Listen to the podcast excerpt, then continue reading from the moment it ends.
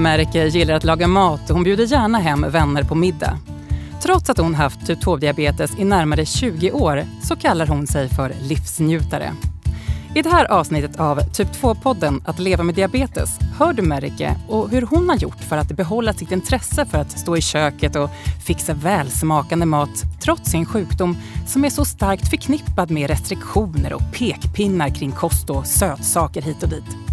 Och vår diabetesexpert förklarar varför kaffe och fisk står på listan över livsmedel som får dig att må bra och hissar och distar en massa andra saker vi äter och dricker.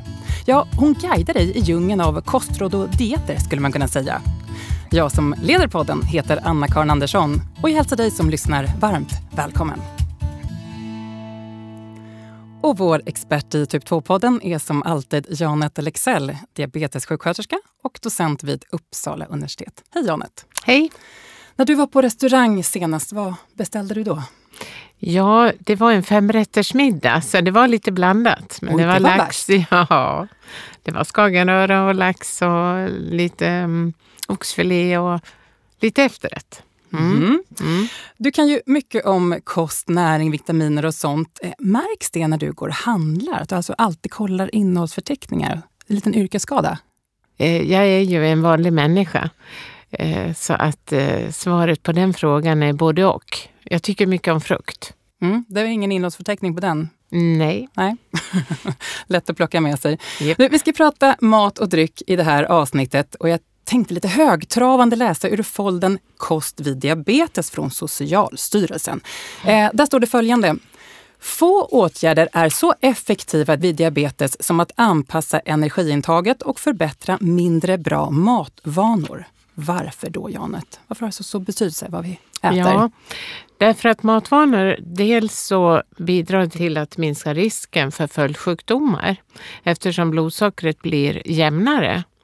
Och därtill så om man äter på ett adekvat sätt så kvarstår mättnadskänslan längre och därtill förbättras blodfetterna. Du ska få utveckla det här alldeles strax, Janet. Men jag hälsar nu vår gäst välkommen till Typ 2-podden, Märke Ester Söderman. Tack. Hej, Märke. Tack. Du är 69 år och din kalender är välfylld med en massa aktiviteter har jag förstått. Ideellt hjälper bland annat invandrarungdomar bli bättre på svenska och du är med i en bokcirkel, hittar på massa kulturella grejer och umgås med barn och barnbarn. Du trivs med fart och fläkt? Ja, det, ja, det gör jag. Mm.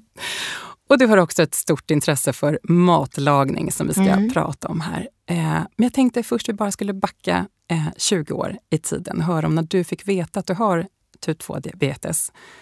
Berätta, var i livet var du då? Jag var väldigt mitt i livet. Jag hade nyss fyllt 50 och eh, haft eh, stort kalas och sen förberedde jag min sons studentexamen och då skulle vi ha öppet hus för 80 pers och sen skulle han ha alla tre avslutningsklasserna på fest efteråt. Så det var dagen innan hans studentexamen. Så jag hade liksom inte tid att ta till mig det där riktigt då. Utan det tog ett tag innan det sjönk in vad det var för någonting. Och eh, ja, jag behövde lära mig en hel del för jag visste egentligen inte särskilt mycket om eh, diabetes på den tiden. Min mamma ojade sig väldigt och tyckte det var förskräckligt. Men jag, det tog ett tag innan jag lärde mig det där och innan jag hittade rätt medicinering och allting sånt där. Och nu har du levt med typ 2-diabetes i 20 år. Hur mår du idag? Jag mår bra. Mm. Jag mår väldigt bra. Merike, du gillar god mat och kallar dig själv för livsnjutare. Om du ska äta en finare middag med din man, vad serverar du då? Det blir oftast eh, skaldjur och fisk om vi ska äta en god middag, en fin middag. För det, det älskar vi båda två. Men det kan också bli en eh, biff Rydberg eller Aha, någonting klassiker. sånt där. Ja, just det. Men eh, väldigt ofta fisk och skaldjur. Har du lyckats få barnbarnen att gilla fisk också? Eller? Absolut, gör de gör det. De, det. Ja, ja. De, Då är du en duktig kock. ja. Nej, jag, jag minns ett tillfälle jag gjorde en sån här fiskgryta och då sa storebror, då, nio år, åh den här såsen den var supergod. Och, Lilla syster hon satt och spanade i min tallrik för att se var musslorna fanns så att hon skulle kunna ta dem från min tallrik, för hon älskar sånt. Du har estniska rötter. Märks ja. det någonting på menyn? Det som är mest påtagligt det är ju det som nästan är den estniska eh, identiteten. Det är sånt här mörkt, rågbröd som jag har bakat i 40 år. Och det bakar jag själv då. Och det är jättegott. Det är bara råg och salt och mjöl och kummin. Mm. Och vatten. Men improviserar du i köket eller går du efter recept när du lagar mat? Jag bläddrar väldigt mycket i recept. Jag har en hel trave med recept som jag bläddrar i. Men det är sällan jag följer måttenheter och sånt där. Utan det är mer att det ger lite idéer om vad man kan göra.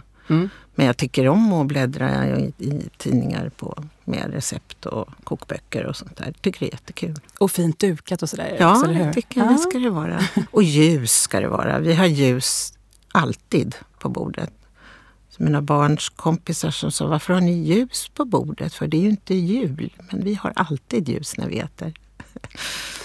Marika, hur har ditt eh, matintresse och din matlagning påverkats av att du har typ 2-diabetes? Alltså delvis har det ju det naturligtvis. Det är mera grönt, alltid färska grönsaker. Det liksom blir inte en riktig måltid om det inte är färska grönsaker till, tycker jag. Så att, och det är klart att man tänker inte pasta, inte ris, inte potatis i mängder. Däremot äter jag det. Men om dina gäster då eh, är riktiga pasta-fanatiker, vad gör du då? Nej men mina gäster ska ju inte lida för att jag har diabetes. Så att säga. Ibland så är det ju så att man kommer bort till någon kompis och säger ja visst, ja, du har ju diabetes, det har jag tänkt på. Men det är inte deras ansvar. Det är jag som tar ansvar för vad jag äter. Janet, det låter trevligt. Jättetrevligt. Ja, vi kanske ska försöka få bli hembjudna någon gång till Det, ni Marika. är så välkomna. Marika, tack för att du är med här i Typ 2-podden. Vi ska prata lite mer med dig, men nu närmast få fakta och lite vägledning om det här med livsmedel och kost. Ja, vad ska man egentligen äta när man har typ 2-diabetes? Det figurerar många olika svar på den frågan som vi nu ska försöka bena ut. Jag tänkte vi skulle börja fokusera på de enskilda livsmedel som det finns vetenskapligt stöd för att de kan vara bra vid diabetes. Jag går igenom den här goda listan så kan väl du, Janet, vara snäll och kommentera på vilket sätt de är välgörande, om det är något särskilt jag kan tänka på. så. Är du med? Japp. Eh, grönsaker, rotsaker och baljväxter får grönt ljus. Varför? Det minskar dödligheten i kärlsjukdomar, framförallt hos personer med diabetes, och ungefär minst 250 gram. Mm. Och äter jag mer så blir det ännu bättre. Äter du mer så blir det ännu bättre. Precis. Frukt är också på den här goda listan. Varför är det bra? Mm. Det så- visar sig också att det sänker dödligheten och framförallt i kombination med grönsaker. Mm. Någon frukt som är extra nyttig? Eh, banan, eh, äpple, päron, allt som man tuggar på är ju bra. Och när fruktkorgen precis är nypåfylld på Mm. jobbet, vilken frukt tar du själv då först? Jag tar banan och äpple. Ah, och så Mm. ligger det alltid små skrumpna päron i botten. Ah, De som eh, de, de lider av sin vissna tråkiga färg tror jag. Men vidare till listan nu. ja. Eh, där hittar vi fullkornsprodukter. Varför är det Mm. bra då? ja, alltså det minskar också framförallt eh, dödligheten i kärlsjukdomar och framförallt hos den som har diabetes. Mm. Mm. Är det bara att byta ut den här vita rostismackan eller? Ja, jag skulle säga så här att det handlar ju inte bara om att äta eller inte äta en vitt bröd någon gång ibland. Utan det handlar också om vad man lägger på den här smörgåsen. Om du har till exempel saltgurka eller lever och leverpastej så är det helt okej. Mm. Kan kompensera då det vita brödet? Precis, Mm. precis. Fisk har vi kommit fram till nu. Varför mår jag bra av fisk? Ja, där har man ju sagt då, i det bästa av världar så bör man äta fler än en gång i veckan. Och eh, framförallt att det är de här fettsyrorna, bra fettsyror, som eh, har en skyddande effekt för hjärt-kärlsjukdom. Och lite otippat kan jag tänka, men Socialstyrelsens goda lista över enskilda livsmedel och drycker kommer också alkoholen med. Mm. Janne, på Mm. vilket sätt är alkohol bra vid diabetes? Ja, man har ju sett det att det handlar ju inte om att dricka en flaska rödvin, eller ja, rödvin är det ju framförallt kanske som är det som man mm, bör mm, välja. Utan ett glas har ju faktiskt goda effekter. Men det är också mycket kalorier i öl, vin och sprit. Finns det inte risk att den där goda bordeauxn bygger på midjemåttet? Jo, om man dricker för mycket. Ja. Och så avrundar vi listan med, med kaffe. Varför börja dricka kaffe? ja, det är ju ganska kul. Det har man ju sett eh, senare år att det har en framförallt för att förebygga diabetes. Mm. Mm. Ska det vara espresso, macchiato eller hederligt bryggkaffe? Nej, bara vanligt, vanlig, vanlig kaffe. Mm. Inte någon grädde och sånt. Nej, inga konstigheter. Vi ska prata lite mer övergripande kosthållning, men vi håller oss kvar vid enskilda livsmedel en kort stund, för jag vill också höra svarta listan. Vad ska jag helst ta bort eller i alla fall minska på, Janet? Ja, det finns tre saker. Och det är läsk, det är chips och ett kilo smågodis. Och för mycket alkohol skulle jag vilja tillägga. Ett kilo? Men det var ändå väl tilltaget. Ja, jag vet. Jag tog till lite. Ja. Ja, Mm. du är snäll på svarta Mm. listan. Eh, men mat är ju mer än enskilda livsmedel. Man ska äta lite av varje. Och det för oss in på det här med koster som är som paketlösningar skulle man kunna säga med en viss sorts mat. Janet, det skrivs ofta om olika kosthållningar och dieter i tidningar och så. Och många lovar mycket och utmålar sig som mirakelkurer vid diabetes. Hur vet jag om det är värt att prova de här olika kosterna? Ja, det är en väldigt bra fråga. Jag tycker att man får testa vad, vilken kost man vill. Men har man diabetes så bör man göra det i samarbete med sin diabetesklinik. Mm. Eller primärvård där man går. Då. Så inte våga sig Men- på saker som man bara läser då kanske. Nej, det tycker jag inte man ska göra. Nej, för det är så pass viktigt att ha en jämn blodsockerbalans. Mm. Att prata eh, kost är omfattande och, och laddat. Det är Mm. många som tycker och tänker om det här med mat. Ehm, men jag tänkte att vi här kort skulle kunna lyfta fram de kosthållningar som visat sig vara bra vid diabetes enligt vetenskapliga studier. Eh, det är fyra olika koster. Eh, den ena är traditionell diabeteskost. Vad är det? Ja, man skulle kunna säga eh, tallriksmodellen. Och det tror jag alla vet vem det är. Det har jag fått i skolan, hur de ser ut. Så gamla Eh, hemkunskapsboken ska fram. Hemkunskapsboken ska fram, ja precis så. Mm. Mm. Den är lite förlegad, eller? Lite förlegad är den, men det är aldrig fel, skulle jag säga. Jättebra att ta till. Måttlig lågkolhydratkost har vi också. Vad är det för något? Ja, att man, eh, lite som Märke beskrev, eh, att man äter pasta men inte så mycket pasta, utan tar lite mindre av den varan och allt som har med kolhydrater att göra.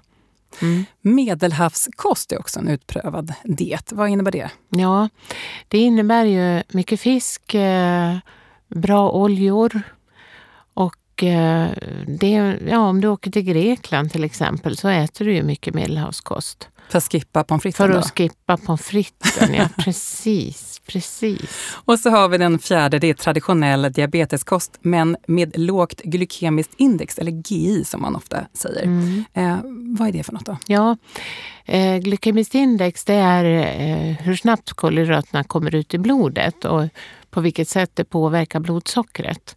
Så har du ett högt glykemiskt index så kommer det snabbt ut i blodet och ger högt blodsocker, som till exempel pasta. Då.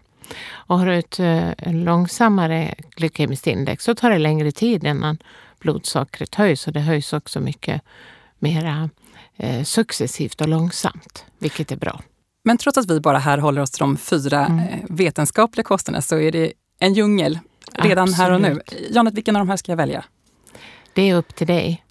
Men börja läsa på om de här eh, beprövade dieterna och välja en av dem och hålla mig till den? Eller kan jag liksom varva mellan dem och så att säga plocka russinen ur kakan? Ja, alltså jag tycker ju att en sak är viktigt och det är kunskap omkring de här kosterna och vad man stoppar i munnen. Och det, det ska man som patient se till att man får den kunskapen via diabetesmottagningen. Även mängden mat påverkar ju hälsan. Eh, vad är så att säga viktigast för sjukdomen diabetes? Är det typen av mat eller hur mycket som äts? Det beror på ty- ja, typen av mat naturligtvis. Ja, du kan äta hur mycket grönsaker du vill till exempel. Spelar det någon roll eh, när under dygnet som jag äter? Ja, alltså regelbunden mathållning är ju det som är absolut outstanding när man har diabetes. Och för oss också, som inte har diabetes skulle jag säga. För att hålla en jämn blodsockerbalans. Och, om, jag, om jag känner på mig att jag äter eh, lite fel, eller i alla fall in, inte enligt Socialstyrelsens fina forskningsexempel och, och råd här, vad ska jag göra då? Ja, då tycker jag att du ska skriva ner på en lapp Vad är, vad är det du äter egentligen? Och så ta med dig den där lappen till din diabetessjuksköterska och diskutera. Det här äter jag, vad kan jag förändra? Och få lite tips och råd. Mm. Men det är tufft att ändra vanor. Det är tufft, det är jättetufft. Det vet man är bland det svåraste som finns. Men mm. det går. Det går. Hur gör jag för att lyckas? Eh, envishet och stöd skulle jag säga. Och vad kan jag ha som en morot? Varför är det värt att försöka äta sundare skulle du säga? Du mår bättre. Du kommer själv att känna att du mår bättre. Och sen tappar du några kilon också. Då vänder jag mig till vår gäst igen nu, Marike. Bryr du dig om såna här skriverier hit och dit om nya dieter? Ja, nu när du frågade Janet om vilken diet man ska använda så känner jag oj, jag har nog aldrig varit så disciplinerad så att jag följt någon utan jag blandar mm. ganska friskt mellan de här. Men precis det här med eh, alltså, lågt glykemiskt index och, och eh, låg kolhydratkost och så. Socker, alltså jag slutade helt att dricka juice när jag fick diabetes. Till exempel. Så alltså man lär sig vissa saker. Det kan ju lätt bli eh, stelt eh, när man sitter och pratar kolhydrater och näringsämnen och sådär. Eh, det blir inte så lustfyllt alltid. Vilken är din bild, Märke? Måste bra mat vid diabetes vara tråkig? Absolut inte. Alltså, det är bara att titta på ett stort salladsfat som man har gjort i ordning med alla sorters grönsaker och granatäpple och blomkål och gurka och mor. Alltså hela paletten. Det, det är ju så läckert. Då behöver man bara komplettera med något litet med något protein i eller så. Om man vill. Det behövs ju inte. Det är gott som det är. Janet, du nickar instämmande. Vad mm. tänker du om märkets inställning till mat och livet? ja, det är fantastiskt. Det är bara så fantastiskt att lyssna till dig. Det måste jag säga. Vad tror du andra kan eh, ta till sig av när man hör Märke prata? Inspireras och framförallt av hennes engagemang i rösten. Det kan väl inte gå någon förbi. Med de orden så avslutar vi för den här gången. Eh, Märike Öster Söderman, tack för att du gästat Typ 2-podden. Och jag och Jonnet håller tummarna för att vi blir inbjudna till ditt kök vid något Absolut. tillfälle. jag kommer tillbaka. och tack Janet Lexell, diabetessjuksköterska och docent vid Uppsala universitet för dina kloka ord. Tack. Själv heter jag Anna-Karin Andersson och Typ 2-podden Att leva med diabetes är en produktion från det forskande läkemedelsföretaget Böringer Ingelheim. Hej för nu och på återhörande.